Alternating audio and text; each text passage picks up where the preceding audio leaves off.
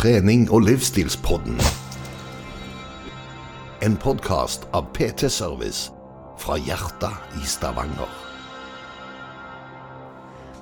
Hei og velkommen til trening og livsstilspodden med meg, Lloyd Georg Færvik. Og Jeg vet ikke om jeg kan si det igjen nå lenger, men jeg har kommet tilbake igjen til Anders. du kom tilbake Ja, ja, ja. Det er du. Du er til bars. Oh yeah. Det, jeg har hatt en, eh, en veldig, veldig uh, grei tur. Eh, men nå kjenner jeg det er godt å komme tilbake igjen òg. Og komme inn i rutinene igjen og få alt uh, settla tilbake til det som det var.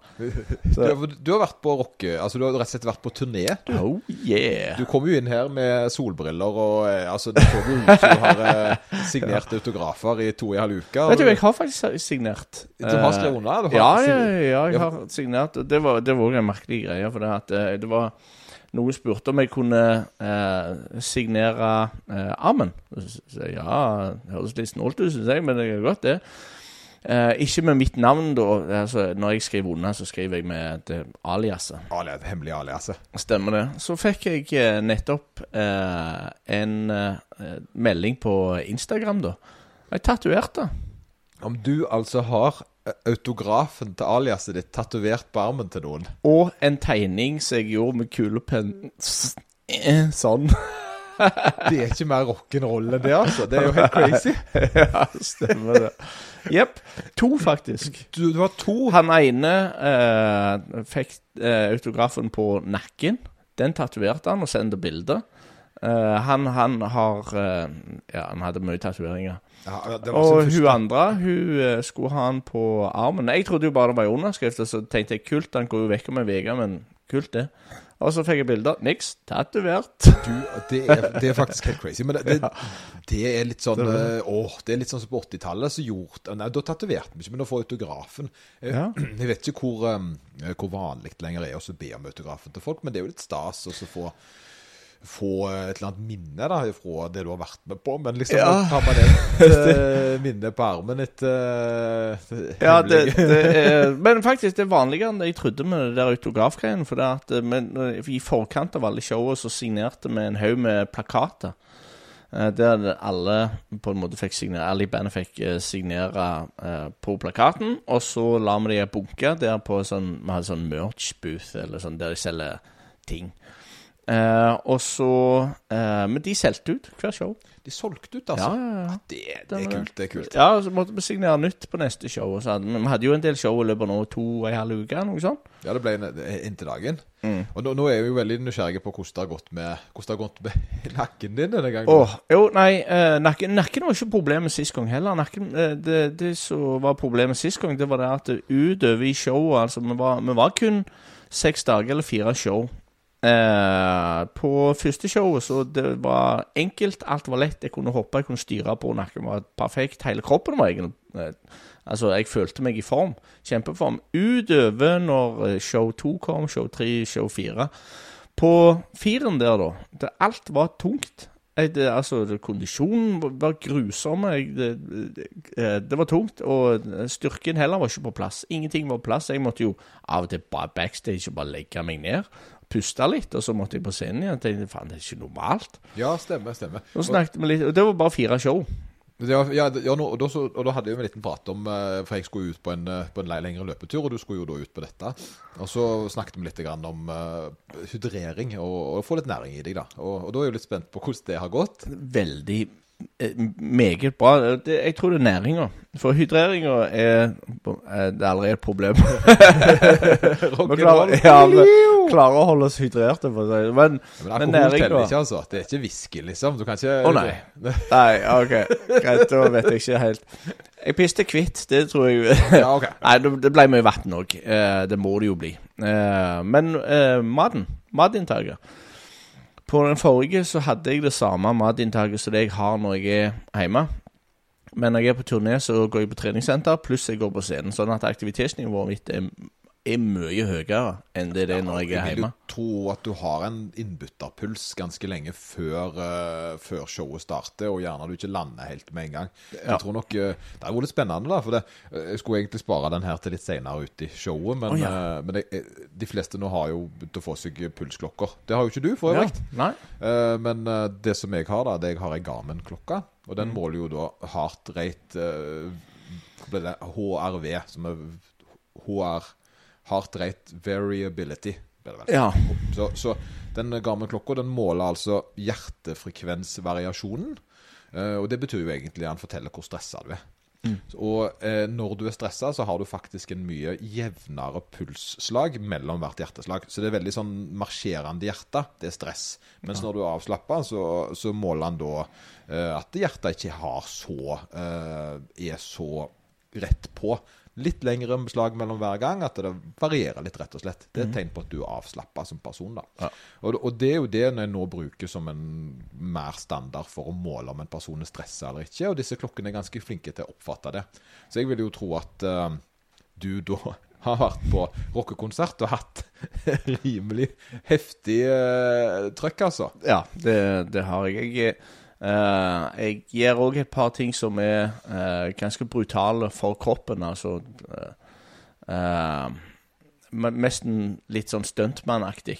Ja, jeg har sett noe av det. Det er jo ene er jo at du springer jo med vokalisten på ryggen rundt ham. Og Ja, så ja. andre ganger er jo du er jo ute i hva heter det? Mosh pit. Moshpits. Ja, og så er det noe også som heter Wall of Death, heter det. Eller Wall of Love. Wall of Love. Oi, Ja, ja, fortell, fortell om dette. For det, det vet ikke jeg hva er. Det Høres grisete ut? Eller er det noe blom, Er det ikke bilen? Det er Backstage, faktisk. Nei, Å nei! Oi, oi, oi, oi. Forsiktig nå. Det, det har ingenting med, med blomstene og biene å gjøre. Nei, det, det er ikke det. Da kan de yngre lytterne fortsette. ja, det, ja, det Du separerer Eller vanligvis eh, publikum gjør det sjøl. altså publikum som er klar over det. Ja, jeg har sett dette her, iallfall i Sør-Amerika, så er det voldsomt. De er veldig flinke på å separere publikum, som på en måte eh, Moses separerte Svartehavet, eller uh, iallfall et hav han separerte. Ja, iallfall. Så det er, to vegger. Eh, så bygger musikken seg opp, og når han når et høydepunkt, så braker hele den der veggen i sammen. Eh, og det har jeg funnet ut eh, Publikum gjør ikke automatisk det sjøl overalt. Eller det er ganske få plasser, iallfall når de vi har vært på. Så jeg tenkte at vet du, da skal jeg få de til å gjøre det. Se om det funker.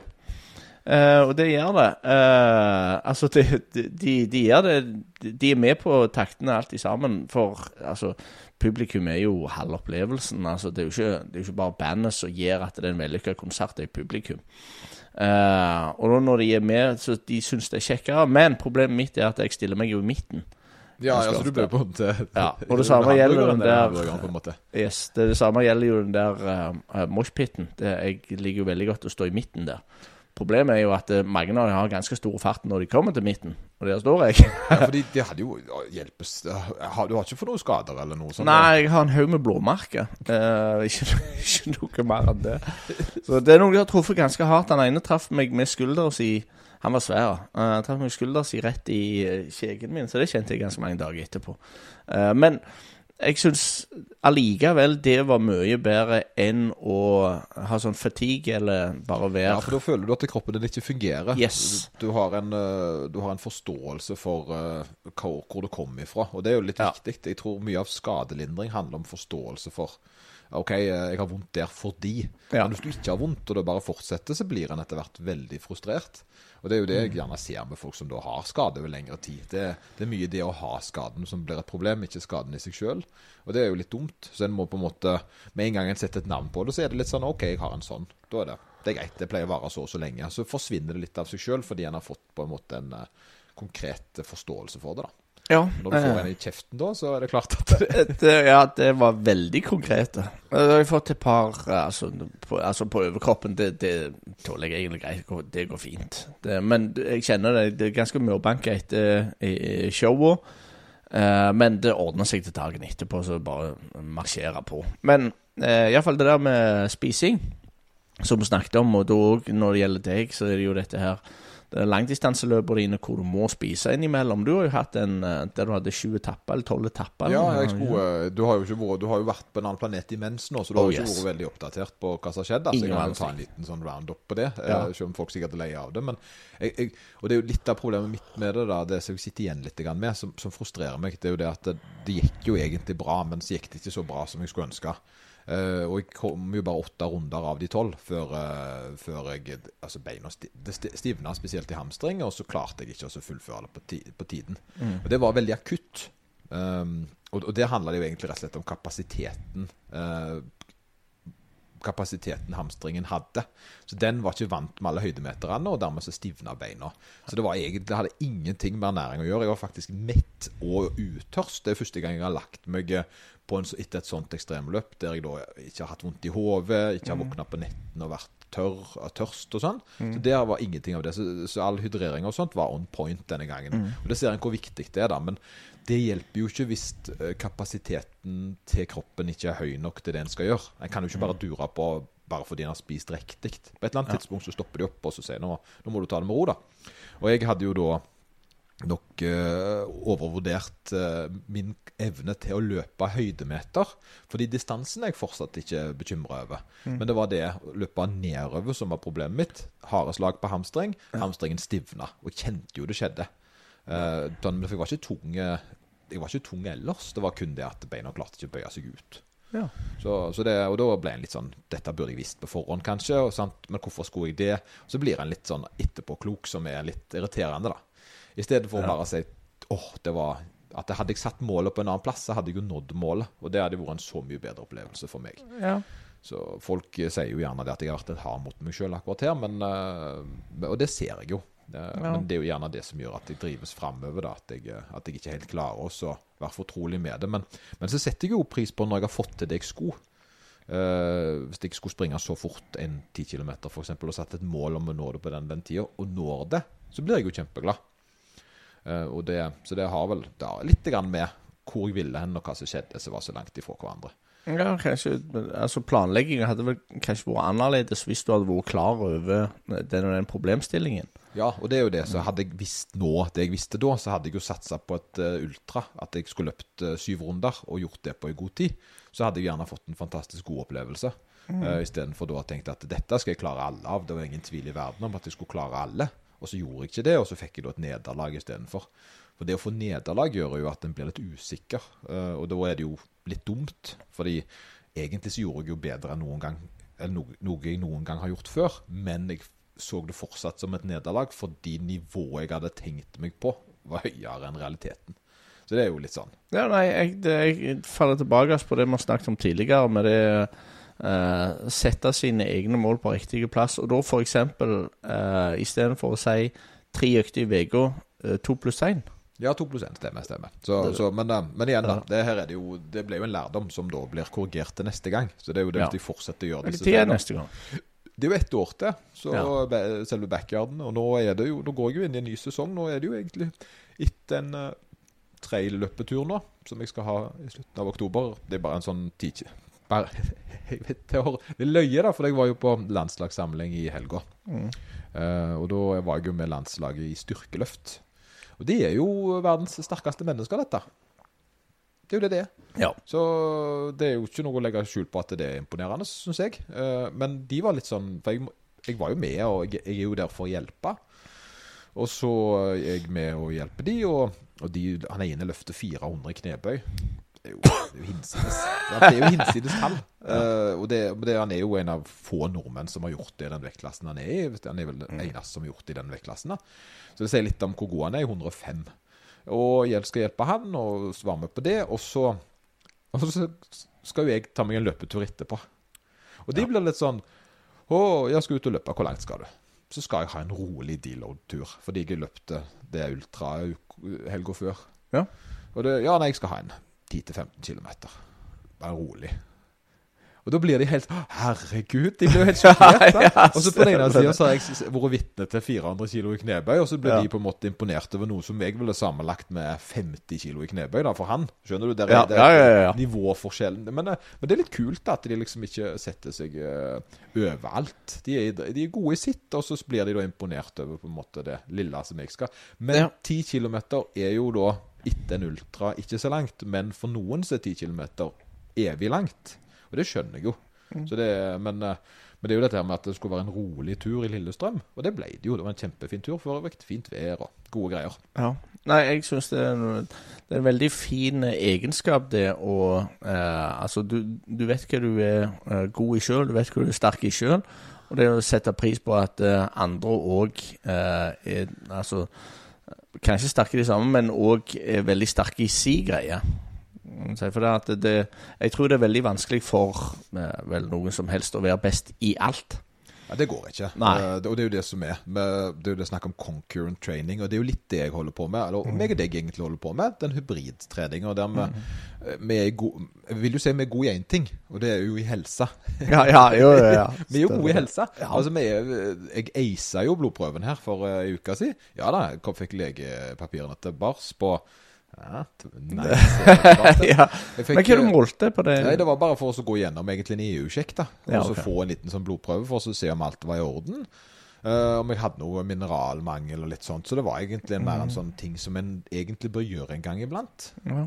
Og så tok jeg blodprøve, og så kom jeg, og så var alt innenfor. Og egentlig så var det mer for oss å se om jeg var veldig frisk.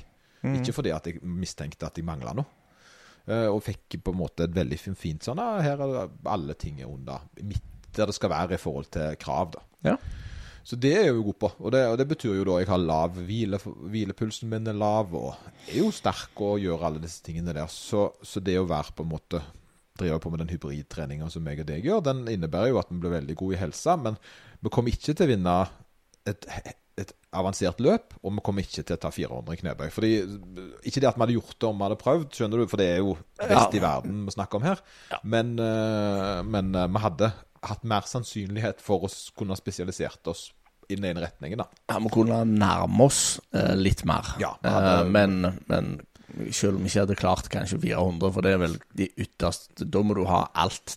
Det, På plass. Da må du ha alt på plass. Det er, for å si det sånn, det er en nordmann som har gjort det i den veiklassen. Så, Ja, ok. så da, og det sier jo litt om hvor mange som har gjort det. da. Ja, ja, ja. ja. Det han gjorde i helga for øvrig, det er litt morsomt å tenke på.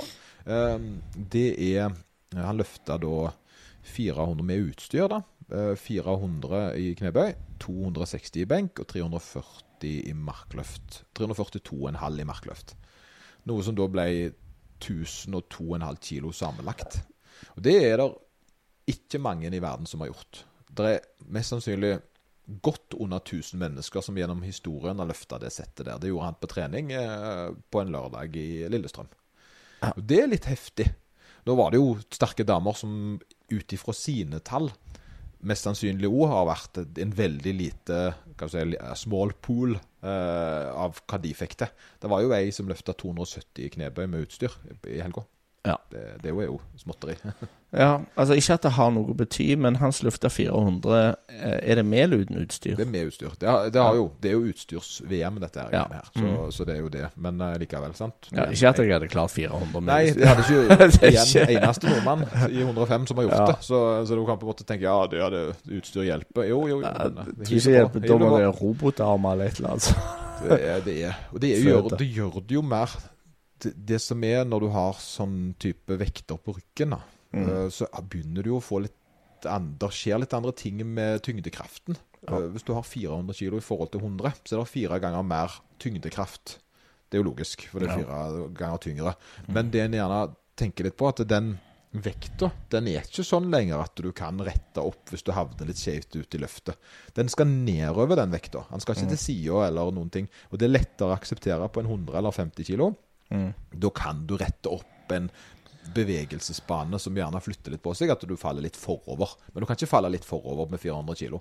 Må, da må du sette deg du blir, du blir ikke, ikke bare må du, men du blir tvungen inn i tyngdekraftens uh, mektige armer, da, på en måte. Så da går det rett ned, og det går rett opp igjen. Det går ikke til sida. For hvis du går til sida, så du, har du ikke klart løftet. Og det er jo litt absurd.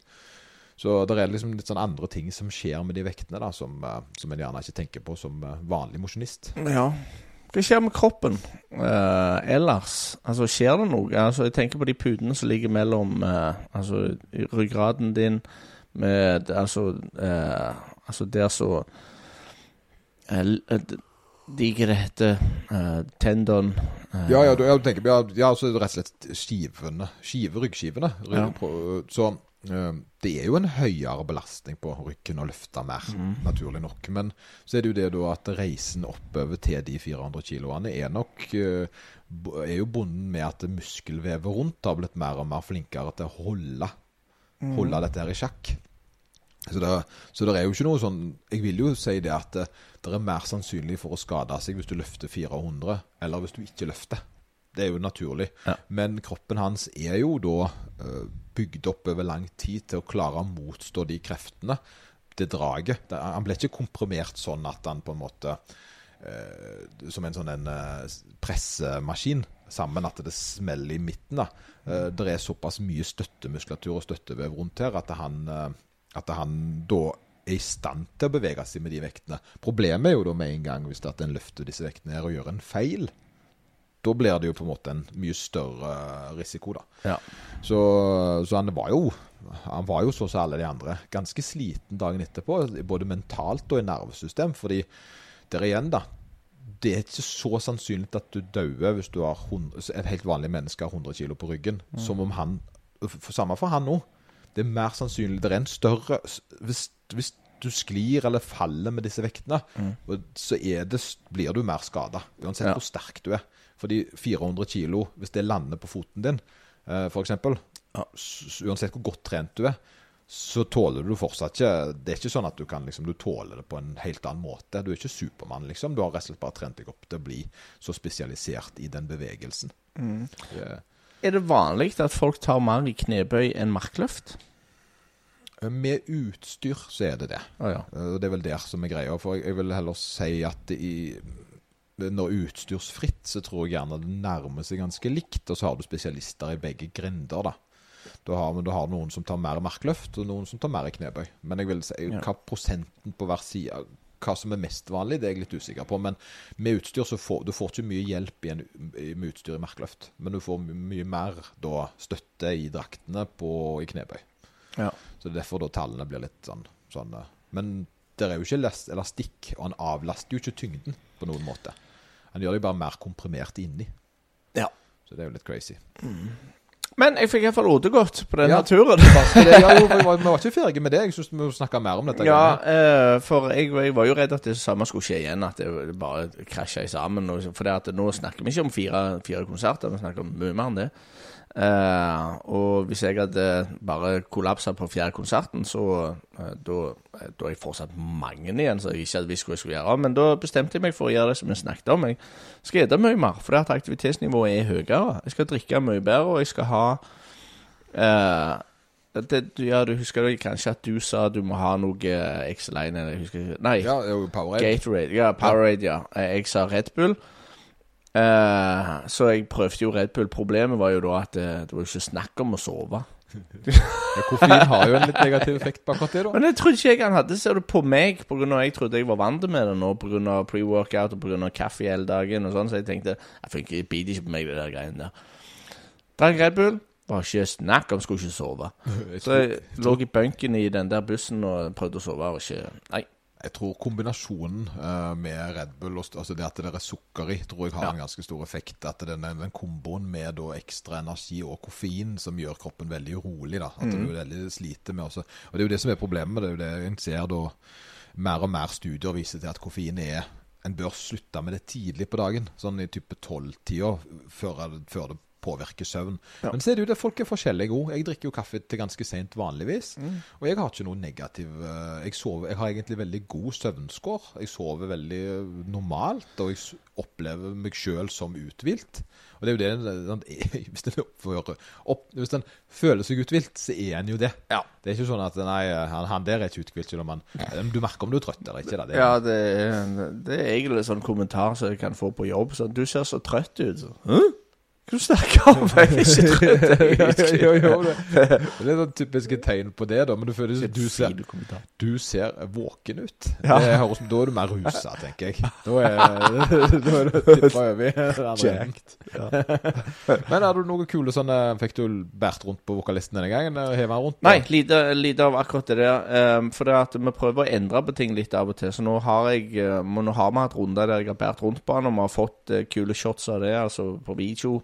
Eh, så det ble mindre av det denne gangen, for det at folk Jeg tror folk liker kanskje å se litt nye ting. Eh, de som prøver eh, litt nye ting, og da var det mindre bæring denne gangen her. Men det hadde ikke gjort noe. Det, det, denne gangen jeg var i kjempeform. Jeg kunne godt hatt han Han er ikke tung heller. Nei, han er jo lett. Du Ja, kunne han heve han på publikum en gang. Sett om det hadde vært noe. Kaste han. Se hvor langt du kunne kaste han. Langt. Ja, ja, ja. Bare lag sånn det er rekord. Her heiv jeg han sist. Ja, så strekte strekt med litt kitt.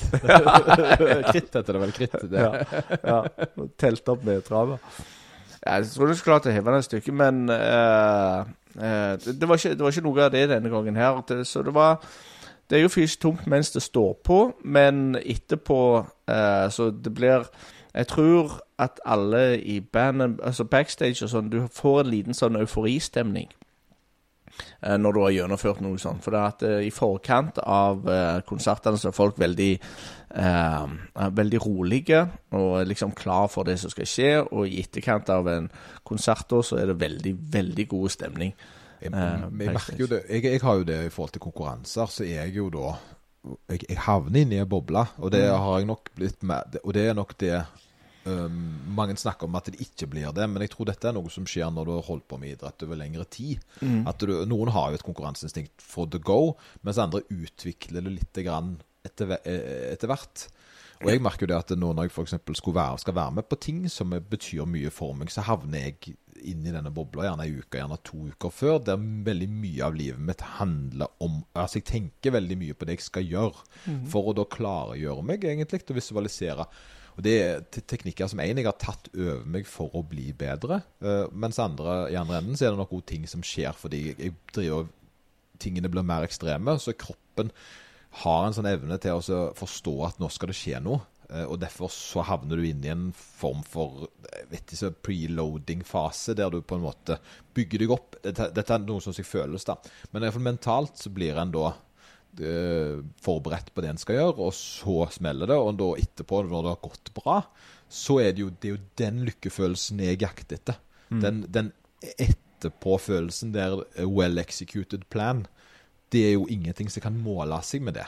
Og det er jo det dere gjerne har opplevd, at dere har i forhånd Jeg tenker jo Og det holder jo med én gang. For meg er én konkurranse, da er jo jeg stimulert i ukevis. Mens du da har hatt teoretisk sett jeg vil sagt to og en halv altså én konkurranse til dagen i nesten tre uker. Ja, ja. Det er jo Hvor mange er de største øh, oh, uh, jeg tør ikke p- eh, Jeg lå på om, rundt 3000. Ja, for det var mindre stadioner denne gangen. Men jeg vet dere har hatt mer før. Ja, jo, vi har hatt eh, Altså, når vi har sånn eh, altså festivalstørrelse, så er det jo Da snakker vi 60 000. 60, altså her har det vært min, eh, mindre venues, på en måte. Ja, ja. Misforstå meg rett, da. Ja. Men, eh, Ja, nei, men det er Altså, når du står på, eh, på scenen og kikker utover, så Du klarer ikke å se alle folka.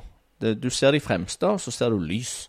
Ja. Uh, så det eneste gangen du, du danner deg et bilde av hvor mange folk det egentlig er, det er når det er en rolig sang og mobilene kommer opp, og du ser på tusenvis av eh, mobillys bortover. Det, det er et ganske fint syn. Eh, og da- får du liksom Å, er det såpass mange, ja? Og det er på en måte Misforstå meg rett når du sier 3000. Altså, Ja, ja. Det er jo sinnssykt mye Ja, det er- mennesker. Det er kjempemange. Det er mer mm. venner enn de fleste har på Facebook. for det. Det, og det er jo en, en by er jo 5000. Altså en hel by, en bystatus er 5000. Jeg husker jo det når Åkra, der jeg kommer fra, fikk Mm. Bystatus. Det, var jo, det er jo en stor, det er jo en stort område med mennesker Mm. som bor, altså. Og det er alt det inni en bitte liten uh, venue. Og hører på dere. Ja, ja, ja. Det, blir, det er helt crazy. Jeg hører og ser på. Ja. Uh, nei, men det, alt det var kjekt. Og det, og det, nå, nå kunne jeg Jeg tillot meg sjøl, for altså, jeg er litt grann påpasselig med hva jeg er det for noe. Uh, og iallfall i ukedagene. Uh, men denne turen her så har jeg bare bestemt meg for at vet du, jeg skal få i meg nok. Og så hvis jeg kommer hjem og er litt tyngre, så gjør ikke det noe. For da har jeg iallfall hatt energi nok gjennom hele greiene. Eh, så du skal ikke stå på energien, iallfall. Uh, så, jeg, så det, på onsdag, vet du det jeg, uh, Eller nå tar jeg bare en random dag, men jeg kunne godt forsyne meg med en sjokolade som lå på bordet. Så oi, jeg oi, følte meg Rockestjerner, hæ? Sjokolade. Og, det, og det, er ikke, det, er ikke, et hemmelig Det er ikke, det er ikke et uh, det er ikke sånn skjult navn for Smack eller noe heller. Nei, det er faktisk sjokolade, da. Stemmer det. det var, men det, det, det, er litt grann uvant. så jeg tror nok det var det. Så jeg følte meg litt grann som Egon Olsen etter hver gang. hva, hva, hva, førte du opp på denne her uh, lista di? Den der, uh, hva det heter for noe? Sånn, der du kan skrive hva du har lyst på? Reidaren? Ja. Uh, nei, jeg har jeg har noe som heter uh, Fireball. på en måte. Jeg, eh, jeg har fått litt grann spons fra noen som heter Fireball. Så uh, jeg fører det opp og men det skal ha sånn en iallfall. Du, så Fireball, det, det er en drink? Drikke, ja, ja, ja, oi, så ja. du er sponsa av Fireball? Ja, altså. ja, stemmer det. jeg må vise, deg jeg min T-skjorte. Ser du hva som står? Pederskader. Pederskader. Jeg har fått T-skjorte av de som uh, leier ut uh, til restaurantene i Pedersgata. Så jeg føler på en måte jeg har fått spons. da Ja, jo, jo, jo. ja, du har fått, du har fått spons. Jeg har fått spons. Jeg har fått spons. Uh, og så energidrikke. Uh, det skal det være backstage. Og så er det noen som har uh, litt andre typer. Det er noen som har noen øl de skal ha backstage, og så er det noe brennevin, og så er det all slags typer mat. Så det er bare den maten du har lyst på. Ja. det ser høres godt ut. Liksom. Ja, ja, ja, ja, stemmer det. Men hvis, du, hvis du, du, får det du har lyst på, så hvis du kommer og har lyst på noe annet enn det som står der, så gir du egentlig beskjed. Så de, de er ikke vanskelige, de feirer til, for de har kjøkken. Hvordan, eh. så, så det som jeg hører som er så kult her, det er at du har jo latt deg sjøl bare være i det ditt øyeblikk, og så leve litt med kosten, og at du har spist litt nok mat for å få nok næring. Klok Klokka skade der. Og så er det da nå Nå er det mandag, på en måte. Stemmer det. Eh, både billedlig og fysisk, egentlig. Eh, ja. Men eh, da har du på en måte innstilt på at nå eh, tar en oppgjør litt med det en har gjort, og så Ja, det er jeg eh, nå, jeg nå, fikk jeg jo bare et øyeblikksbilde, da, men når jeg kom tilbake igjen og følte meg sånn høvelig i form, så tok jeg ny vekt, og da er det 500 eh, gram ned. Ja, ja. Si. det, da, da, ligger du ca. likt. Ja, ja, det, det, det, er ganske likt. Så det er ikke så mye som har skjedd i løpet av de to ukene. Sånn at det kan være det varierer litt. Grann. Jeg har fått i meg litt ja, grann, ha, det, blir gjerne, En kan jo på en måte endre kroppskomposisjonen sin og gjerne ja. ha fått litt mer fettprosent. Og gjerne mm. fått litt mindre altså litt andre øh, i kroppen. Litt mindre vann. Ja, har jo, eh, jeg har jo ikke vært opptatt av kreatin og dette her. Hvis du er sponsa av Fireball, så, så er det jo klart at Noe av kaloriene har gått. Kjempegøy.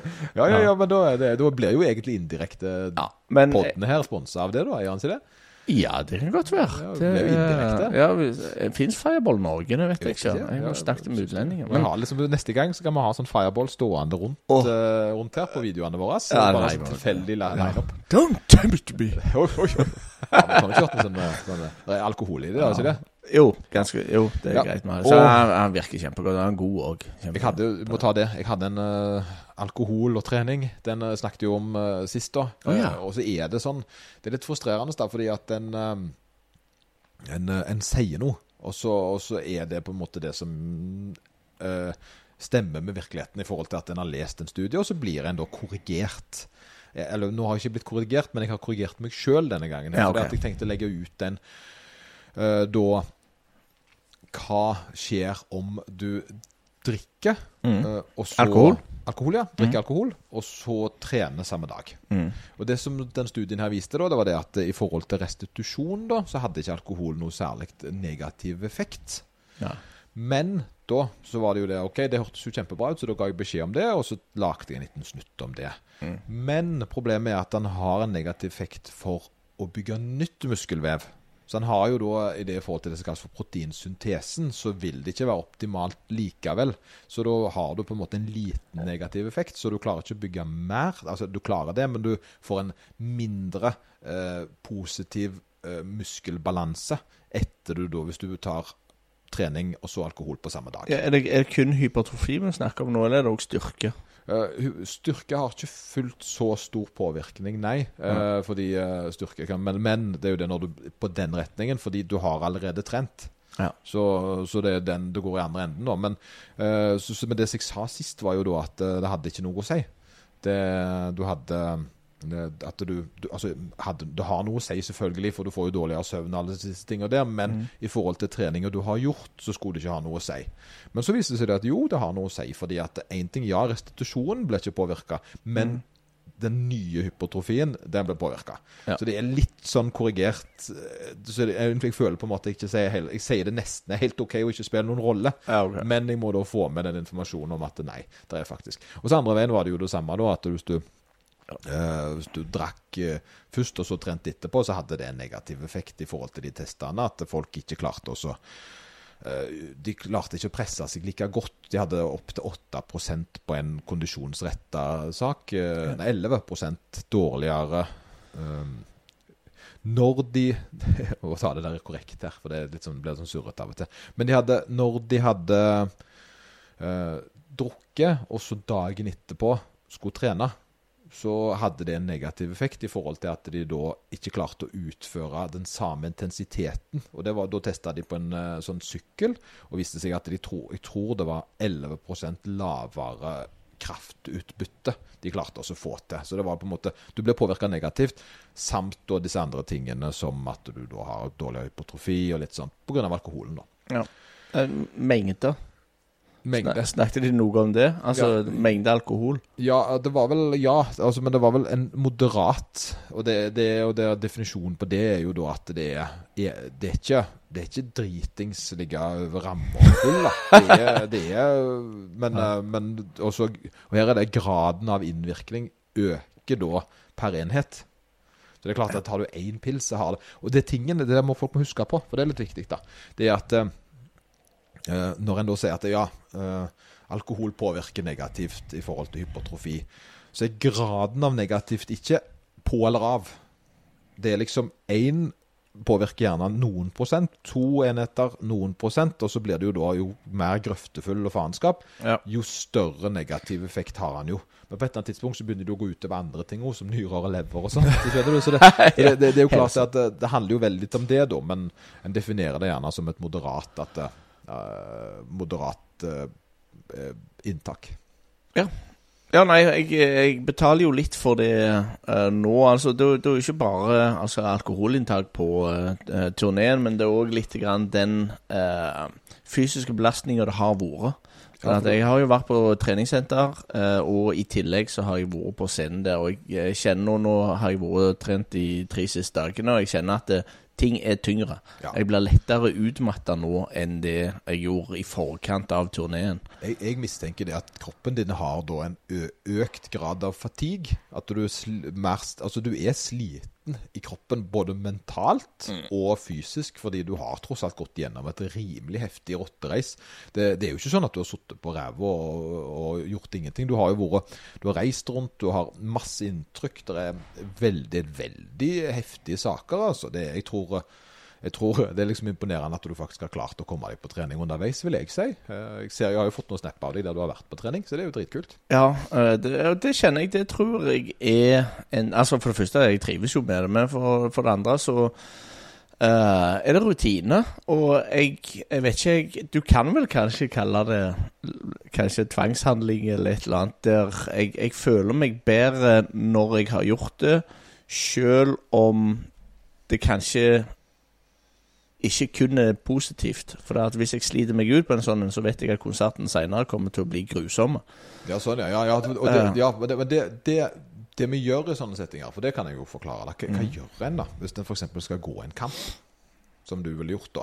Så kan en trene fortsatt, men en bør da ikke trene i samme grad med fatigue, som gjør da at det påvirker negativt. Men det å holde litt stimuli kan være eh, positivt. Du kan faktisk på en måte eh, pre-prime deg sjøl til konserten. Det er jo det folk gjør når de varmer opp. Sant? At det har en mental sak at en liksom egentlig føler seg litt sånn Føler seg bra, og så går en på scenen og er, føler seg bra der igjen, da. Så det, jo, så det kan ha en veldig positiv effekt der, men det er klart hvis du trener deg ned i kjelleren på dagtid, og så kjører du knallhardt på kveldstid, så vil jo det være eh, fort ganske tungt. Ja. Ja, det, det, jeg har kjent litt på det, men, men jeg fikk kjenne mer på det på forrige del av turneen, de der seks dagene hvor det var fire konserter. Da, eh, for da, eh, da var jeg jo ferdig. Så nå så har jeg Jeg kjenner jeg har vært litt flinkere, men bare det å ha vært på treningssenter og gjort noe, iallfall. Det kjente jeg det, det, gjorde, eh, det gjorde veldig godt, og det tror jeg har litt med rutine å gjøre. Bare den der lille eh, tvangshandlingen eller Ja, Samvittigheten òg, kanskje. Du har følt du har vært litt Ja. mot deg sjøl. Ja, ja, ja. Det, det er viktig at ikke alt har handla om lykke og fjas. Eller det, jeg tror det er noe med det, altså. Men jeg tror fortsatt det handler om lykke og fjas. For det, at det, eh, det å gå på treningssenter for meg, og bare være der, det handler litt grann om det å må være på en måte lykkelig, tror jeg. Ja, ja, ja. ja. Nei, den, den, ja og det, snakket jeg med, med noen om i helga. Mm. Og det er jo en sånn ting som en gjerne for driver også forteller. Ja, kom deg på trening. Kom deg på trening. Uh, men så er det veldig vanskelig å fortelle til folk at uh, for å ha det bra, så må du gå på trening fordi det er bra for deg. Men så blir det òg kjekt. Det er kjekt å gå på trening. Uh, problemet er at for folk som ikke har gjort det før, så skjønner de ingenting av det en snakker om. En ser bare på det som en burde, gjerne, med stressmoment. Og så, og så kommer denne tullingen, denne hippien da, som er oss, da, og så sier jo, det er kjempegøy. Og så, og så er det litt sånn Det tror de ikke på. De gjør ikke det. For det at det er gøy og det er bra for deg, det, det får en gjerne ikke til, til stemme. Ellers hadde en allerede gjort det. Hadde en, hadde en syntes det var gøy, så hadde en jo trent. Ja. Eh, men problemet er at det blir et stressmoment, bare. Eh, og da når en da skal komme og være sånn lykkenisse og si jo, det er alt er så mye bedre Spesielt hvis en trenger å trene. Kom igjen, kommer de på trening, nå bør du trene for å bli frisk. Så setter du på en måte en sånn ganske sånn eh, selvsagt bedrevita holdning og dytter det inn i folk. da Og sier at dette, jo, eh, det er kjempelett. Det er bare deg det er noe problem med. Fordi vi vet bedre. Men problemet er at vi har jo hatt den reisen, og den var jo gjerne ikke kort. Og nå sitter vi der med liksom sånn Selvfølgelig skal vi trene oss uh, trene. Jeg, når jeg da fant meg ei løype i Lillestrøm og løpte der og fikk uh, sett byen på en ny måte, så er jo det noe jeg har begynt å gjort fordi jeg setter sånn, det setter jeg sånn pris på, for jeg har gjort det før. Så nå var jeg oppe på en eller annen, en eller annen knaustopp og se, så liksom over der, og føler egentlig at jeg ser byen på en litt annen Jeg, jeg setter litt mer, mer sånn uh, Jeg får litt mer eh, Jeg tror vi har godt av å komme oss litt rundt på den måten. At vi ikke bare er inne i et hus. Og når vi da kommer og ser byen litt og, tar litt eierskap til hvordan den byen ser ut, så får en en ganske god følelse på det. Og når en da har gjort det noen ganger, så vil en gjøre det igjen. Men første gangen jeg skulle springe uten å vite ruta, så var jo det kjempestressende for meg. Jeg husker jeg, For jeg er jo ikke akkurat kjent for å finne fram heller. Stemmer det. Så, så nå har jeg lært meg å stole på Garmin, da. At, eh, nei, Strava faktisk her. Strava kan jeg gå inn på, så kan jeg finne ei løype. Uh, og den løypa da, den sier ja, skal, Nå valgte jeg liksom ja, 12 km. Jeg fant den løypa på 12 km, trykte to knapper, og så ble den sendt til klokka mi. Så sa klokka mi ta til venstre, ta til høyre, om 200 meter. Så, så rett og slett som en Google Maps, da. At du, eh, jeg ble liksom geleida inn i løpeturen som noen andre hadde satt opp for meg, som førte ei fin sløyfe rundt Lillestrøm. Ja. Perfekt. Uh, men før så sprang jeg bare én vei. Og så sprang jeg så langt jeg gadd, og så snudde jeg, og så sprang jeg samme veien tilbake. ja, ok. Men jeg klarte likevel å springe om jeg vil. Ja, Jeg ja, bare okay. sier det. Ja, greit.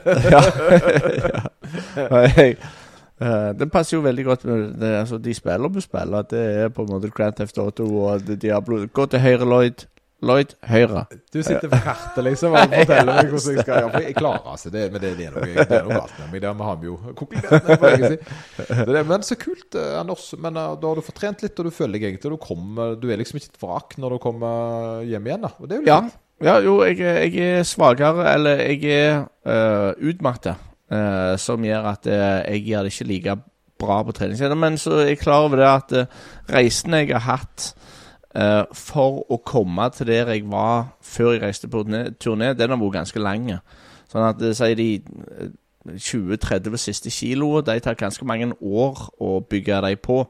Men nå på en måte, nå er det bare på en sånn rehabiliteringsfase. holdt jeg på å si, sånn, Der jeg skal opp igjen tilbake til der jeg var. De vet jeg, de, det blir ikke så mange år.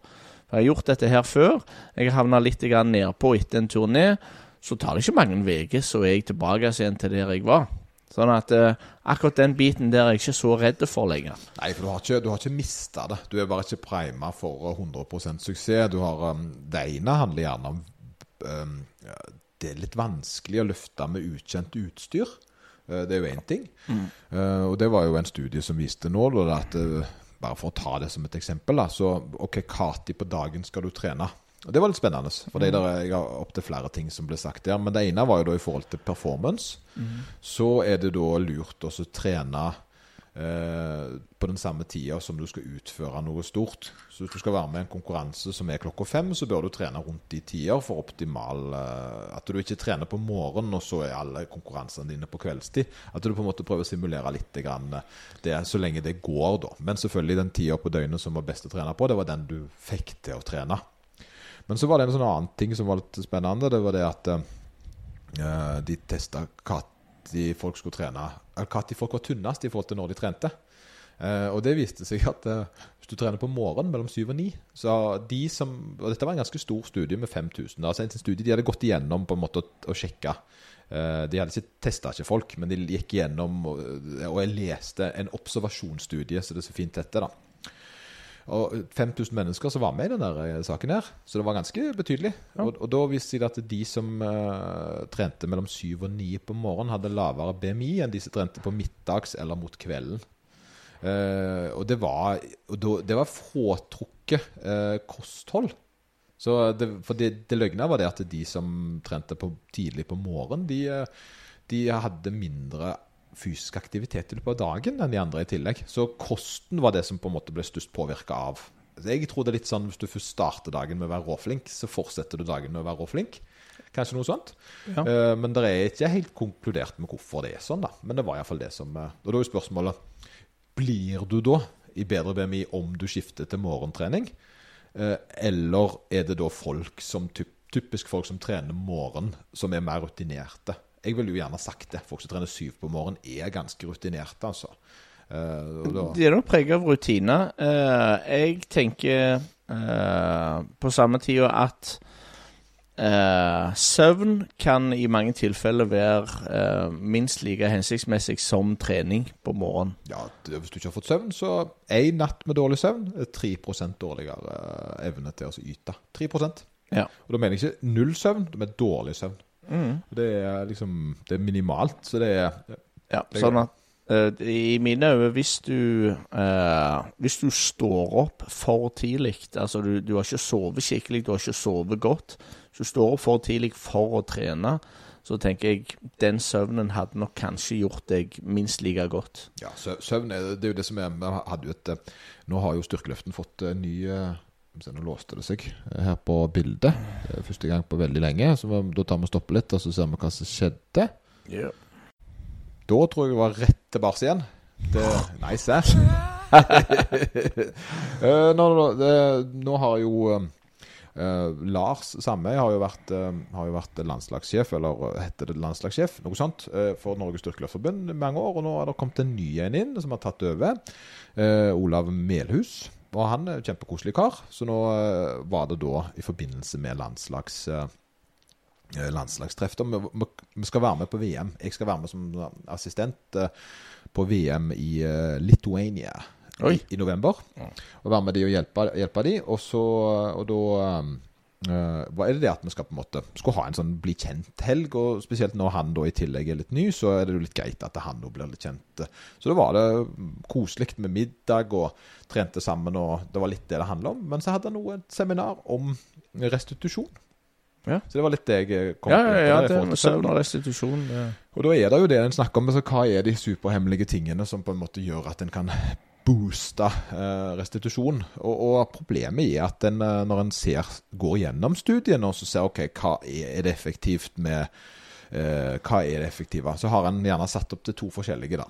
En har satt opp på den ene enden så har en satt på hvordan det føles, og hva som skjer eh, med prestasjon. For eksempel da, så kan en si da, ok, eh, massasje føles veldig bra når du er sår, vond, sliten.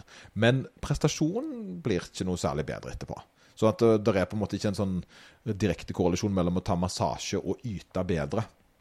Eh, og det samme gikk gjennom rulling, massasjebad og litt for, eller massasjebad, jeg, bading og litt forskjellig. At det alle har en sånn varierende grad av uh, følelsen av at du har det bedre. Men det er ingenting bevis liksom til å si at det hjelper deg med performance.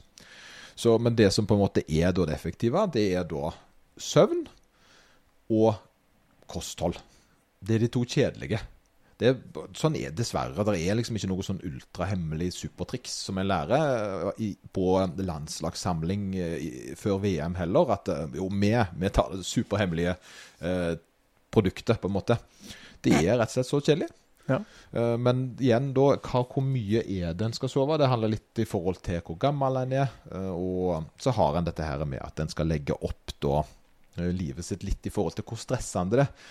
Og det er jo hvor hardt skal en trene, hvor mye skal en trene. Og det står litt i stil med uh, det du prøver å oppnå, som er da at du skal prøve å hente deg inn igjen ifra hvor hardt du skal trene og hvor mye du skal trene. Og de faktorene du henter deg inn igjen med, det er jo da optimalt kosthold, uh, minimal stress og nok søvn. Så det er de tre uh, tingene en skal på en måte tenke på. Og jo mer en har av utsidefaktorer som ikke har noen ting med trening å gjøre, jo mindre trening kan en utføre i løpet av ei uke. Fordi en skal jo hente seg inn for alle de andre tingene i tillegg. Så det blir på en måte det å tilrettelegge litt for en idrettsutøver. Hvordan kan en tilrettelegge for seg sjøl best mulig? Og Noen av disse som deltar her, de har jo barn. Kanskje de er opptil flere. Mm. Og det er jo en stressfaktor. Og det er jo ikke noe en kan gjøre så mye med det. Men en kan jo gjøre så godt en kan, da. Og det er jo det, det og da er gjerne det å sove. Så når du da sier at ja, en vil heller gjerne prioritere søvn enn skal du godt stå tidlig opp for å trene, eller skal du prioritere søvn, så mener jeg det at hvis du skal stå opp tidlig for å trene, så bør du legge deg tidlig dagen etterpå. Ikke stå opp før du burde. At du på en måte kutter i søvn for å trene, for det er ikke optimalt. Ja. Så da må du nesten være en sånn snik som legger seg tidlig på kvelden. Ja. Men jeg føler hvis du står opp tidlig over lang tid, så vil du automatisk bli trøtt og legge deg tidlig på, på kvelden. da. Ja. Det, det, det er jo ikke noe nytt at trening kosthold og restitusjon er altså de tre store. Nei, det, det, det men, men, jeg føler vi plusser på ting hele tida. Det som jeg opplever ofte da, når jeg treffer på, det er at de er på jakt etter det lille, det som, og det er litt som, sånn jeg føles, så føler jeg det at OK, så vet vi det. Søvn, eh, trening, minimalt med stress og godt kosthold. Det er de fire nøkkeltingene for å bli best mulig. Og de vil da si, nå dikter jeg opp et tall, 99% av effekten du får for å bli bedre i det du holder på med. Mm. Men så bruker da eh, mange veldig mye tid på den ene prosenten. At de skal finne OK, ja, jeg har hørt at hvis du tar det T-bladet eller hvis du tar da f.eks. et eller annet kosttilskudd, så gir det økt resultat. Men problemet er at det, i forhold til de andre faktorene som vi vet er veldig effektive, så, så jobber du Du jobber veld, med veldig høy prosentgrad av tid på den ene prosenten, istedenfor å vie mer av tida til de andre 99. Som da er å ta det med ro, slappe av, prøve å hente deg inn og, på, og bare hvile. da. Ja, jo, for det er sånn jeg òg tenker på det, at når man fokuserer så mye på eh, de småtinga, så glemmer av å gjøre det andre korrekt. Så hvis du glemmer kosthold og ikke gjør det korrekt, det 10 dårligere enn det du kunne. Trening er 10 dårligere enn det du kunne. Og òg med søvn, du kunne sove bedre og sånn og sånn. Så det, hvis vi tar det tallet du snakket om, så er du jo fort nede i 33 dårligere total Pga. at vi har fokusert på den der grønne drinken vi skulle ha med. og Det er den som kommer til å gjøre det store utslaget. Ja, sant. Det er dette her med vann med sitron i om morgenen, på en måte. Ja, ja. Det, det, det, ja, altså det er friskt og godt, det, og mentalt mm. gjerne bra at du føler deg med velvære og sånt, men, men, gjerne så er det dessverre de kjedelige bautaene som er nøkkelen her, da. Det er det, det, er det som Ennå. Ennå, ja. ja. Mm. Men, men, disse tingene kan jo gi deg en økt velvære, og det er jo viktig. Så eksempel jeg mener massasje. Om massasje ikke hjelper direkte på performance, så, så, er det jo fortsatt veldig deilig å føle seg uh, At en har belønna seg sjøl på en måte litt. Og jeg mm. liker jo det å gå og få massasje en gang iblant, bare fordi at en føler, føles litt tatt vare på å føler uh, Det øker jo da på en måte litt den herre uh, at altså en, en, føler seg vel, og en føler at en har mm. vært snill med seg sjøl. Og så føler en da at det, det fortjente jeg fordi jeg har vært så flink til å trene. At det er en form for belønning som kan gi mm. motivasjon til økt trening i andre enden. Så det er jo det, hvis en alltid går og grinder på du skal spise så mye, du skal, ja, du skal det og det og det, da, mm. da da blir en etter hvert litt sånn drittlei, fordi hva er det belønningen er, da? Og det har jeg mm. lært i det er business, da. Det har jeg lært i business. Dette lærte jeg av en som har uh, god peiling på business. Han sa følgende. Han sa det at det, det er veldig viktig å feire seirer. Når dere har gjort det bra, så går dere ut og feirer. Fordi når dere har det tøft, da, så vet dere hva dere jobber for. Hvis, dere? Hvis, hvis det å feire, altså det å feile eller uh, få til noe, gir samme resultat, det vil gjerne ikke gi den samme indre driven til å ville komme tilbake til en feiring. Det å på en måte åpne champagnen, om du vil. Det trenger jo ikke være champagne, men eh, det å ha på en måte den her uh, feiringa at vi har Oi, vi har klart å få til en milepæl. Fireball. Fireball. Nei, fireball. Yes, one fireball, please. Uh, sponsor. Men at det på en måte har, gir den, den driven. Og det har vi blitt flinke på, med meg og Ruben. Med, med når det skjer viktige milepæler i vår bedrift, så feirer vi det. Mm. Da feirer vi det utenom, så at vi vet at det, er ikke en grind. Det er nå var vi gode, vi har jobba knallhardt. Her er belønningen. Belønningen kan da være veldig tøvete, egentlig. Men, eh, men det, det, er ikke bare det at vi klapper hverandre på ryggen og sier nå har vi vært flinke. Men her, vær så god. Og da gir vi selvfølgelig til de ansatte i tillegg at de må jo få lov å ta en del av det. Julebordet blir finere. Vi prøver å dele og se de ansatte på en eller annen måte når de har vært veldig flinke. Mm. Og det tror jeg Det gjør en jo må en jo gjøre med egen treningsaktivitet òg. En kan ikke bare gå og gå og gå på trening uten at en på en måte tenker at en faktisk har fått noe positivt til. For det blir litt trist, syns jeg. Ja, Men hvem er det å stå opp altfor tidlig? Stå opp tidligere enn det du uh, skal. Så OK, nå skal jeg ta en koselig 15 km løpetur og, i regn. Og når du er på løpeturen, så tenker du faen dagen kan ikke bli verre enn dette.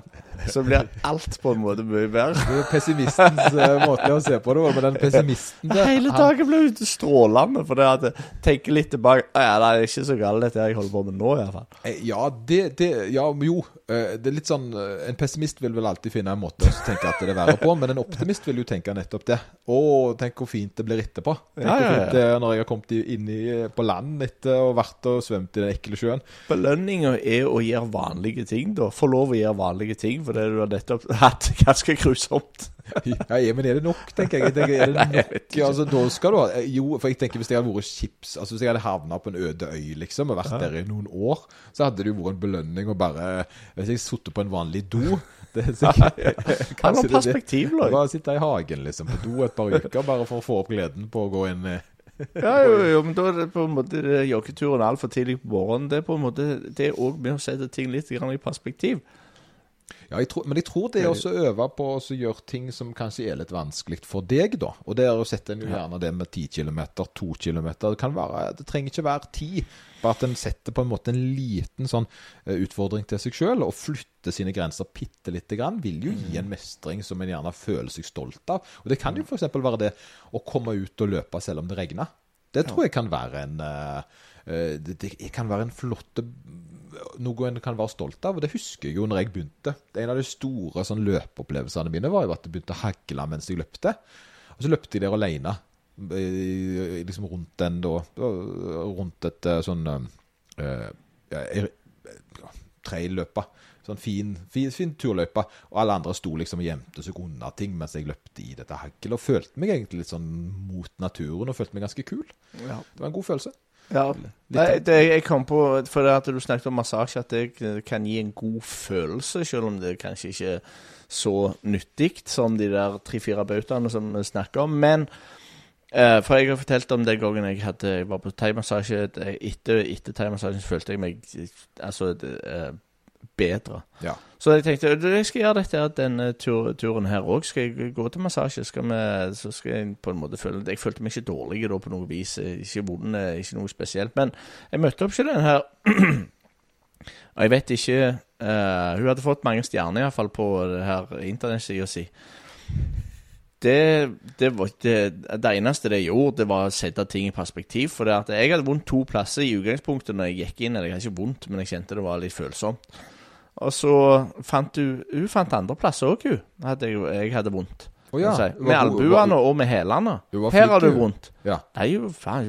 Du hadde ikke vondt, nei? Nei, jeg hadde ikke vondt i utgangspunktet. Hun gjorde jo vondt. det var grusomt. ja, jo, det var... Så jeg lå jo en time. Egentlig hadde jeg bare bestilt uh, tre kvarter. Hun fant ut hun skulle bruke en time på dette her. Og, på en måte, Hun gnikte på det der plassene. Og hun fant de plassene som var vondest. Her har du vondt. Nei, jeg har ikke vondt der. Nå, da? Så sier du albuen er driten. Jo, men hun gjorde jo en Ja, nå har jeg vondt. Ja, men hun skjønte jo hele bildet. Hun, hun her var jo, hun drev jo ikke hjertet med for deg. Hun jobbet jo uh, Dette må jo ha vært noen som faktisk visste hva de holdt på med. Jeg vet det, det var iallfall grusomt. Mens jeg holdt på der, det var den verste timen jeg har hatt i mitt liv. Jeg, hadde jeg ikke, fikk ikke tak i klokka mi heller. Det er jo lagt ifra meg. Så jeg, jeg, men jeg var rimelig sikker på at det hadde gått mer enn tre kvarter, og det hadde det. Det gikk jo en time med Men det det gjorde for meg, egentlig, kjente jeg, det var det at det satt ting i perspektiv.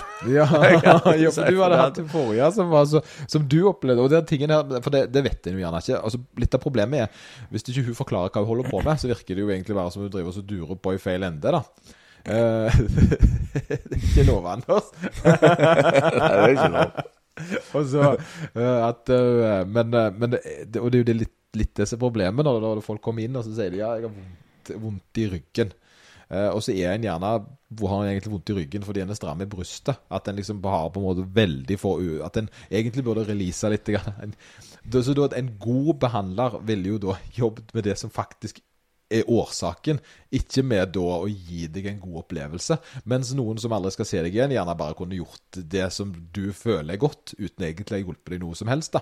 Så, og Problemet ditt er at du kom inn der, du kommer aldri til å gå der igjen. Og så, og så eh, var hun gjerne veldig dyktig det hun på med, men hun drev jo da på med hun, Et sånt uttrykk som jeg liker veldig godt. da. Hun spilte sjakk mens du trodde hun spilte yatzy. Det Ja, mulig. kan være. Men, du, men du hadde jo ikke så vondt heller denne gangen. Nei, nei, det var ikke sånn. Jeg var jo fotende før jeg gikk inn, og jeg var like fotende bare da jeg var skrekkslagen da jeg gikk derifra. Det var Skrekkslagen, ja. Ja, ja. Jo, jo, men altså, misforstå meg rett. da. Altså, det, det, når en tar en massasje, da, at en føler seg bedre, er jo ganske viktig. Men det, har ikke, det, noe, det er ikke sånn at du kan massere og så løfte mer etterpå. Du har ikke, du har ikke på en måte en økt effekt i forhold til noen som ikke har tatt massasje. Hvis to personer har løfta det samme, er like såre, så går den ene til massør, og så går den andre til, ikke til massør, så er ikke den som har gått til massør, uh, i bedre stand til å gjøre noe etterpå. Det er det som er poenget, men han føler seg bedre. Og det er jo ofte viktig, det òg, for det, det å føle seg bra er jo litt det det handler om, da. Hvis en føler seg dritt, så, så er jo ikke det så positivt. Lloyd, Lloyd 42 år. Hæ? det er sånn facts. Rare facts. Hvor du har lest det? Det jeg Ja, det er en studie. Det er studie som sa det. Så sa det, han sa det. Det. er helt sant, jeg lover. Du, jeg lurer på uh, sånn uh, Deload Har du eh, Altså Ja. hvor, hva tid, hvor lurt er det? Jo, det er godt. Jeg lurer på, Har vi snakket om det før eller ikke? For det passet egentlig fint, for jeg har lest om det. Ja. Jeg har lest om det, Og det sitter litt godt òg. Nå skal du høre. Uh, deload Før så tok en alltid deload uh, etter stevner, eksempel. Eller en tok da Hvis en ikke driver og konkurrerer, og det er jo ikke alle som konkurrerer, la oss nå snakke ut ifra det, da. En, og det her er greia. En planlagt deload på forhånd har ikke veldig mye effekt. Eh, det vil da si at hvis du tar en deload fordi du har trent i åtte uker, så trenger ikke og det være effektivt for deg. Faktisk kan det være negativt.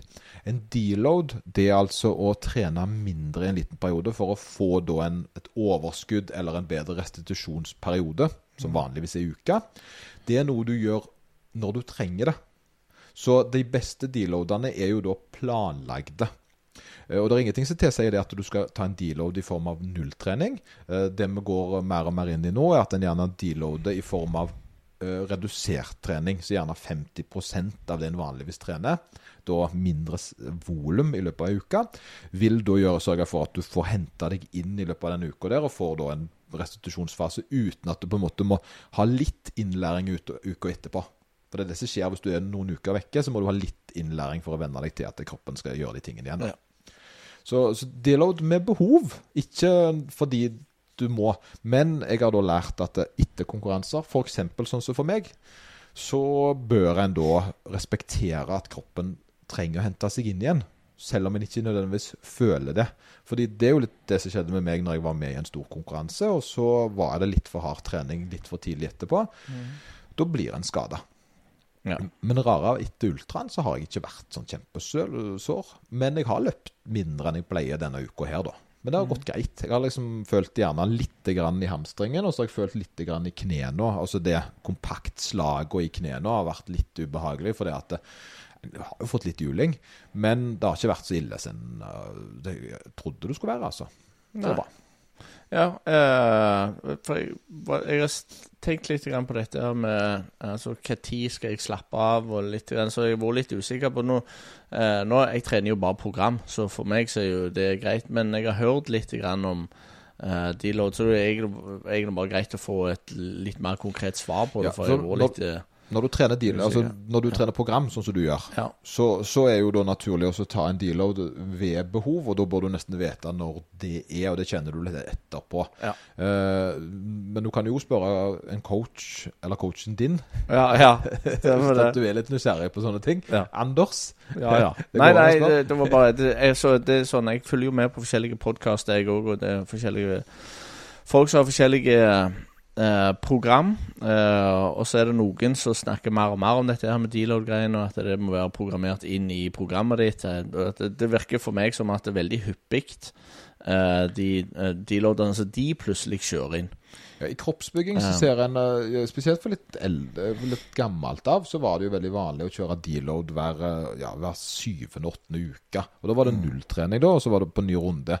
Men, det, eh, men da hadde en òg veldig sånn empirisk trening, det vil si at en økte vanskelighetsgraden hver uke. Tyngre, tyngre, tyngre, tyngre. Uka fri. Ja. Tyngre, tyngre, tyngre, og så begynte en litt Altså en skulle på en måte ta litt mer og mer medfart og så springe framover. Men, men disse periodiserte treningsprogrammene, de, de går jo litt sånn eh, at du har etter en tung treningsøkt Se f.eks. hvis du skal ha en maks i knebøy, så har neste uke mindre belastning fordi at du skal Så det, det er tenkt inn, da.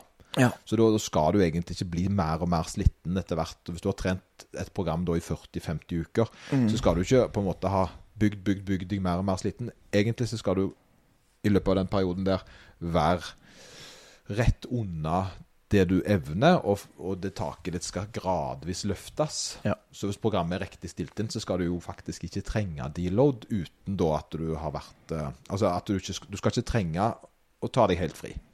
Det, og nå gjør vi det som kalles for autoregulering som oftest. Det at hvis du da f.eks.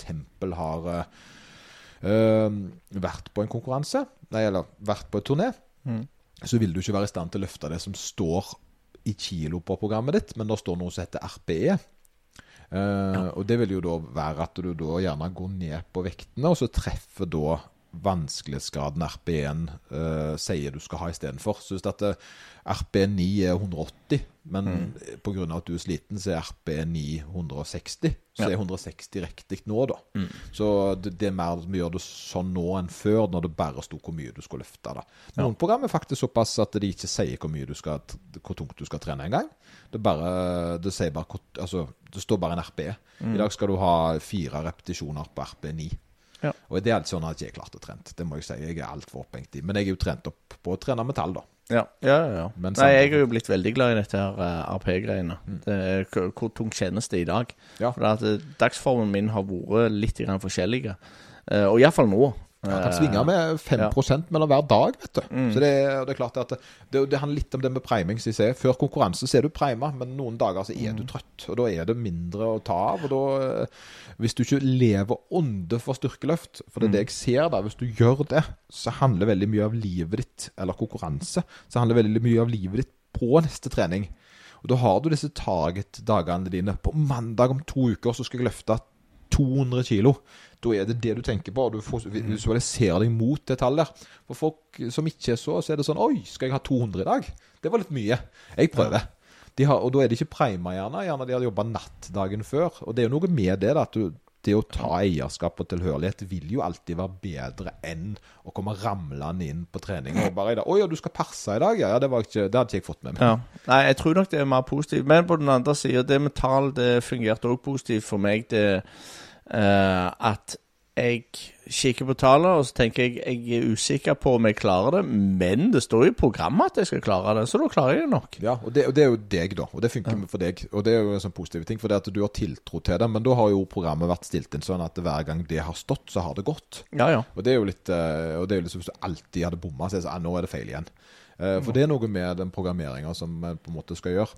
Og det er den individuelle tilpasningen som en gjør når en lager programmene for at det skal treffe på deg. Eh, og noen er jo da Altså folk er forskjellige. Så eh, det som da gjør at du presterer på det nivået der, det, det er fordi du er sånn. At, og da må det bli lagt opp til å treffe deg. da. Så det, det er ikke vanvittige endringer fra program til program, egentlig, men det er nok til at det blir litt mer kjent til deg som at du er sånn. Ja, jeg tror det ligger òg en del psykisk bak de eh, tallene bak det du klarer å lufte. For det, det, altså, det psykiske eh, For meg er iallfall sånn at det, hvis eh, det står en eller annen plass at jeg klarer det, så går den der tanken om at jeg ikke klarer det, den går vekk. På grunn av at eh, jeg kan jo ikke krangle med matte. Nei, nei, det, Det- men, det, men jeg er lik. Jeg er Ja. lik også hvis du står i programmet. Altså Hvis programmet allerede har på en måte vært innjustert i forhold til noe jeg har klart før, og Ja. så forteller det når i dag skal du gjøre det, så tror jeg på programmet. Det vil da gjøre Og det er der som er problemet mitt da når jeg trener med da kun RP. I dag skal det være kjempetungt. Så vil jeg dikte opp hva som er tungt. Ja. Jeg vil Ja, ja. lyge litt på det. Jeg, jeg vil ikke være like god som et iskaldt tall, for det tallet der vil nok løfte meg opp høyere enn eh, enn, eh, Mens andre er motsatt igjen. Ja. De blir sånn Å, det står RP9 her, men eh, programmet sier RP altså, Og det har skjedd, og det er jo sånne folk igjen som er eh, annerledes å trene, da. Men jeg har ei som jeg har trent, og hun Når det står 130 og det står RP9, så det nei, i dag Jeg har RP9 på 140 i dag, så jeg gønner på med det. Så hun gjør det, da. Så hun pusher seg Hun er nesten alltid andre veien. Så hun, men henne igjen hun det, For henne så er jo det da altoppslukende når det står sånne tall. Da Da er hun inne i boksen, og det er bånn gassmusikk. Det er intenst. Ja. Er det kun de som eh, Hvem bør tenne program? Er det kun de som konkurrerer? Eller? Alle. Ja. Jeg mener, altså På en eller annen måte. Og Det trenger ikke være avansert program, men en bør jo ha oversikt over hva en har gjort, og hva en skal gjøre. Mm. det er jo litt sånn, altså Ja, en kan gjerne lage mat uten å ha matoppskrift, men, eh, men eh, hvis den skal bli bedre, så bør en jo prøve å perfeksjonere og vite hva en har gjort før. Så det er en sånn eh, Så jeg mener det at eh, alle som eh, driver og trener, bør ha en eller annen periodisk plan som jobber seg opp mot et eller annet mål de har. Det, det kan bare være å skrive ned hva de har gjort på trening, og så prøve å gå høyere enn det neste gang. Så er det nok. Men hvis en ikke har noe, så går en jo egentlig bare rundt og suller og gjør det en har lyst til. En bør liksom For det, hva er trening, da? Nei, det er spesialisering. Eh, og hvis en skal bli god i f.eks. å gjøre bicep curl, da, så må jeg nesten gjøre den samme øvelsen over lang tid. Det nytter ikke å bytte ut den øvelsen eh, mellom hver uke og forvente at den skal få store biceps. Fordi det er spesialisering. Eh, Selvfølgelig må en, kan en bytte ut. En blir sånn, Det er så irriterende, for nå vet jeg det er to svar på det. Skjønner du? Ja. Men hvis du skal bli god på spesialisere deg i å løfte tungt spesielt, så nytter det ikke å bytte øvelse hver gang.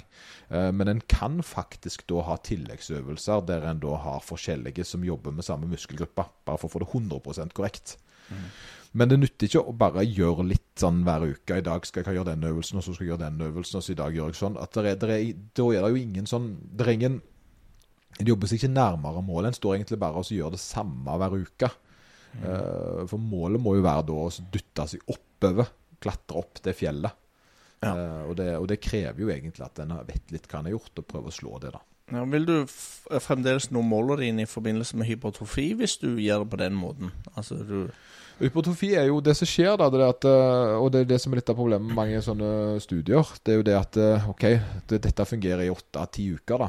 Eh, Og hvis at personen ikke er veldig godt trent, så, så vil det meste fungere i åtte av ti uker. Det er jo det som er litt av greia. Så hvis en eh, skal trene og bli veldig, veldig god, så vil det jo da gradvis kreve mer til at du skal bli bedre enn du var. For det er jo Det er litt sånn eh, Veldig mange klarer, hvis de trener godt, å løpe 10 km på, eh, på en time.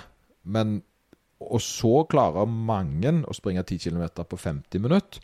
Så blir det vanskeligere på 40, og så er det nesten ingen som kommer ned til 30. Og alt krever jo mer og mer spesialisering. Og det samme er det da med styrketrening, eller bygge muskler. Det er jo det at du kan jo ikke bare forvente at hvis jeg gjør dette, så blir jeg den som klarer det nesten ingen klarer. Det må være en, en intensitet, det må være en økning, og det må være eh, at du jobber hardt mot å nå målene dine. Og spesielt innen hypotrofi så har vi jo funnet ut nå at eh, en bør trene ganske tungt. En bør trene ganske opp mot maksen sin per sett for å utvikle mer muskelvekst. Ja, men- det For jeg har sett Altså, de som lufter veldig tungt Jeg, eh, jeg ser de, og de eh, teknikken deres ser eh, upåklagelig ut i de fleste tilfellene. Men det er ganske mange store folk som kanskje ikke lufter så mye, så hvor teknikken ser egentlig så som så ut. Så jeg lurer på Altså, når det gjelder teknikk og trening, Ja, er det viktigere for det å bli mye sterkere, eller eh, like viktig for de som bare ønsker å bli større? Altså, du blir jo større og sterkere, men kanskje ikke så spesialiserte.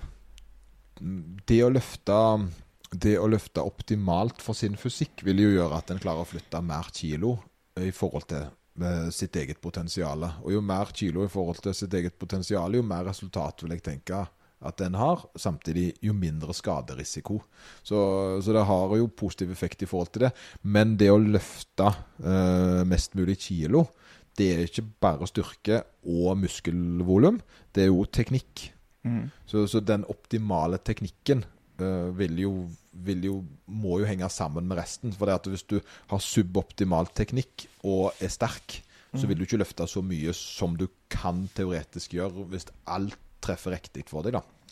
Så det det det handler om. eh, Mens når du da skal bygge muskler, så er jo det ofte mye mer isolerende øvelser der du jobber med én muskel. At det er ikke så mye teknisk eh, annet enn at du skal prøve å slite ut muskelen. Selvfølgelig, ja. Det, det, du kan ikke bare hive rundt på vektene, men det gjør ikke de fleste. Det, hvis du skal trene biceps, så er det en øh, Det er liksom det å rette ut armen og kjøre og, og Stopp. ja, stopp. Benkpress, stopp. Men at du da tar også da Nå står det stilt, men eh, at du eh, Hva det heter når du trekker sammen? Konsentrisk. Konsentrisk. Ja, At du gjør en konsentrisk Eller esentrisk. En ja, jeg husker en av de to. Jeg, jeg, står alltid stil, jeg roter alltid med de to, men du skjønner hva jeg mener. At det, det er liksom det som er jobben, og så skal du da gjøre det til muskelen blir utmatta, eller kommer nær mot utmattelse. Mens hvis en skal gjøre knebøy eller benkpress eller et eller annet, eh, så, så er det mange ting som skal gjøres samtidig. Så det er da en teknikk og det er uh, inni dette her som da eh, gjerne kan til og med overgå det med muskelmasse. Altså at du på en måte har At hvis du har en optimal fysikk, så trenger du ikke ha så mye muskler for å gjøre det samme. Det er jo litt kult. Og Dette her var jo en sånn samtale som vi hadde sist, og her igjen. Uh, oh, ja. Utrolig irriterende. Dette er irriterende, Anders. Vi bare tar den. Fordi eh, nå, nå, det, nå skjønner du litt av greia, da. For når, når jeg sier ting, og så går jeg og så sjekker opp i det, så skal jeg gjerne lage klipp til TikTok og sånt. Og, og nå var det jo dette her med en ting som jeg var 100 sikker på, da. Ja. Og dette er så logisk som det går an å bli. OK, hva skjer hvis du eh, får mer muskler, da? Blir du sterkere da? Hvis du får mer muskler? Ja. Jeg antar det. Ja, jeg òg antok det. Jeg var 100 sikker på at du faktisk gjorde det. Eh, en, det er en sånn regel, da, at den har eh, At den har, eh, har en uh, mer muskler på den som, For å si det sånn, den som har mest muskler, trenger ikke være sterkest. Men det jeg alltid har trodd og meint, det er at uh, en person som får mer muskler, blir sterkere. Men, og det skulle jeg liksom, det sa jeg, og dette skulle jeg lage snutt av. Og så tenkte jeg wait a minute. Og så sjekke opp. Jeg opp. Ja, okay. uh, og da er sånn studien er sånn Nei, nei. Det er ikke direkte korrelasjon med økt uh, volum og økt eh, styrkekapasitet. For det er en, eh, for nemlig det er en adapsjon. Så adapsjon til å løfte mest mulig er ikke nødvendigvis sammenhengende med større volum. Så hvis du da trener for mye volum, så spesialiserer du deg ikke for makskraft. Og da ble jeg litt sånn forbanna. For det stemmer ikke med virkeligheten. det Din virkelighet. nei, men jo tyngre så, altså, jeg har, jeg, Men vitterlig, hvis jeg blir tyngre, så blir jeg jo sterkere. Så det er, men det, det, og det her er tingen da med den studien. Det er at det, han, det ekskluderer ikke det, eh, det når de har gått igjennom det. Men det er multifaceted. Det er flere Det er ikke bare gråsone. er, ja, det er mer faktorer enn bare økt muskelmasse som gjør at det gjør det sterkere. Så en kan ikke si det. For det at det er adapsjonsting, det er mye annet som muskelvevet skal gjøre. Det må ikke bare bli større. Så det var utrolig frustrerende. Så da kunne jeg ikke si det. Jeg kunne ikke si det at mer muskler var bra. Nei, det ville Ja, du ja. tro. Du ville tro det, men nei. Nei. Nei. Men det er vel egentlig en Altså har du mer muskler, så er vel det en indikasjon på at du trener, i minste fall. Ja, ja, og hvis du trener, så har du iallfall ei bedre helse, kan vi si det? I, i set, settingen her så handler det jo om hvis at du som styrkeløfter skulle bli uh, sterkere, Mm. så kunne du bygge musk, bo, gjøre mye hypotrofi. Og så kunne du da ende opp med å bruke den økte muskelmassen din til å løfte mer. Ja. Men problemet var at det stemte ikke helt med, med studiene. da. Og, det, det, det, og jeg, uansett hvor mange ganger jeg sier det, så høres det rart ut at det ikke stemmer. Men det var da, da med adopsjon, da. Og så vet en jo det at øh, jo mer muskler en har, jo mindre korrelasjon mellom muskelmasse og kraft er der. Så f.eks. en diger kroppsbygger er ikke så sterk som han ser ut. Det er jo det som er greia. For det at muskelmassen der er jo ikke designa for makskraft. Han er designa for eh, mest mulig volum. Så de har på en måte eh, Så han kan ikke brukes til å utvikle mest mulig kraft, da. Ja. Så det er jo det en ser gjerne For eksempel, det var noen som testa De hadde en kroppsbygger som skulle prøve å sykle opp en bakke mot en syklist. Han hadde jo ikke sjans, selv om han produserte mye mer kraft. da Det var utholdenheten som stoppet han selvfølgelig. Men, eh, men det er liksom litt med den overgangen over hvor mye mer kraft han teoretisk har, og hvor mye kraft du faktisk får, selv om muskelmassen er så stor. da Ja. Ja, nei, det Altså, jeg kan vel si jeg har vel hørt noe tidligere. Jeg har vel sett eh, bevis òg på at eh, størrelse i noen tilfeller ikke trenger å bety at de er de sterkeste på treningssenter. Ja, sant? Eh, men allikevel, det, det kan jo altså, Jeg òg trodde jo det at det, økt masse betyr at du, du, du blir sterkere. Men så kan det vel kanskje være at det, det- Nå vet ikke jeg metodene på denne forskninga, men metoden hvis den er sånn at vi skal bare finne noen som eh, hvor volumet øker, men styrken øker ikke i samme grad som volumet. Så kan det være det kanskje har funnet noen, og så OK, da stemmer ikke det som tidligere er antatt. Ja, Det var en systematic review, så de gikk gjennom studiene for oss å se korrelasjonen mellom økt styrke og økt hypertrofi. Ja. Altså, så det var, det var i konkret øyemed for å finne det vi snakker om her. Ja. Og da var det det at det var Vi kunne ikke direkte si det, men en kan jo gjerne anta likevel. Ja, men, en stor prosentandel stemmer med det som allerede har trodd. Det er bare det at det stemmer ikke i alle tilfellene. Stemmer. stemmer. Derfor- Og da blir en på en måte med en gang den der som ikke kan komme og si 'sånn er det'. Fordi, og Ja. det er jo litt spennende, men, det, men i, for å forsvare det andre, da, så kan jeg jo se det òg. For det handler jo av og til i uh, handler av og til i, eh, om adopsjon. At en på en måte blir bedre til en ting gjennom teknikk. eh, Eller evnen til å utvikle kraft med den muskelfiberen en har. At det er på en måte en eh, litt annen spesialisering enn å bygge mer muskler. Det er litt sånn, Du blir jo ikke sterkere i, i beina på maks 1 RM av å løpe veldig langt. Fordi det er en annen spesialisering. Så det er litt gjerne det en ser Ja. her, da. Ja, interessant. Det blir ganske interessant. Ja, ja. Skal, tror vi, Er vi kommet i mål for i dag, tror du?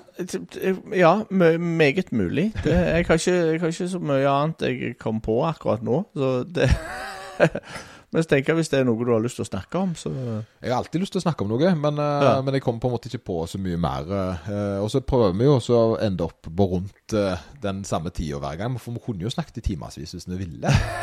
Men vi må spare noe til neste uke. det blir. Det vil jeg si.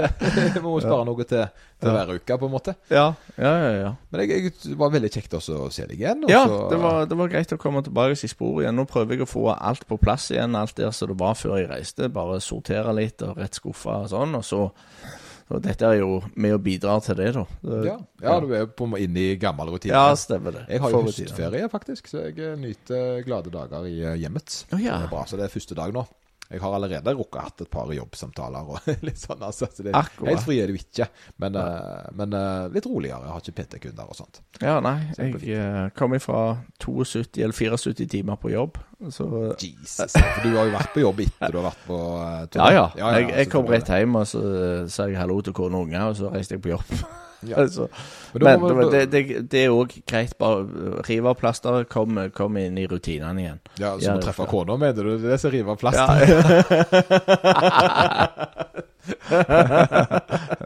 Nei, det tror jeg nok var koselig. Her. Ja, jo, det, Ja, akkurat det var koselig. Ja, det tror jeg på. Det tror jeg på. ja. Få rutiner på plass, det tenker jeg. Bare gjør det med en gang. Ja. Nei, og så er det jo det. Nå har vi jo fått to sponsorer. og Peders Gater. Uh. Nå spiser vi jo gratis i hele Peders Gater. Vi gjør ikke det. vi gjør ikke det eh, Men, eh, men vi har iallfall fått ei. T-skjorte, og du har fått en sånn til å ha rundt eh, hånda. Så, så det er jo ganske greit. Fireball. Fireball. Så det, Ja. da er vi litt der. Så får dere ha en eh, fantastisk helg, alle sammen. Oh Sant? yeah. Så liker det, liker er det. helg, ja.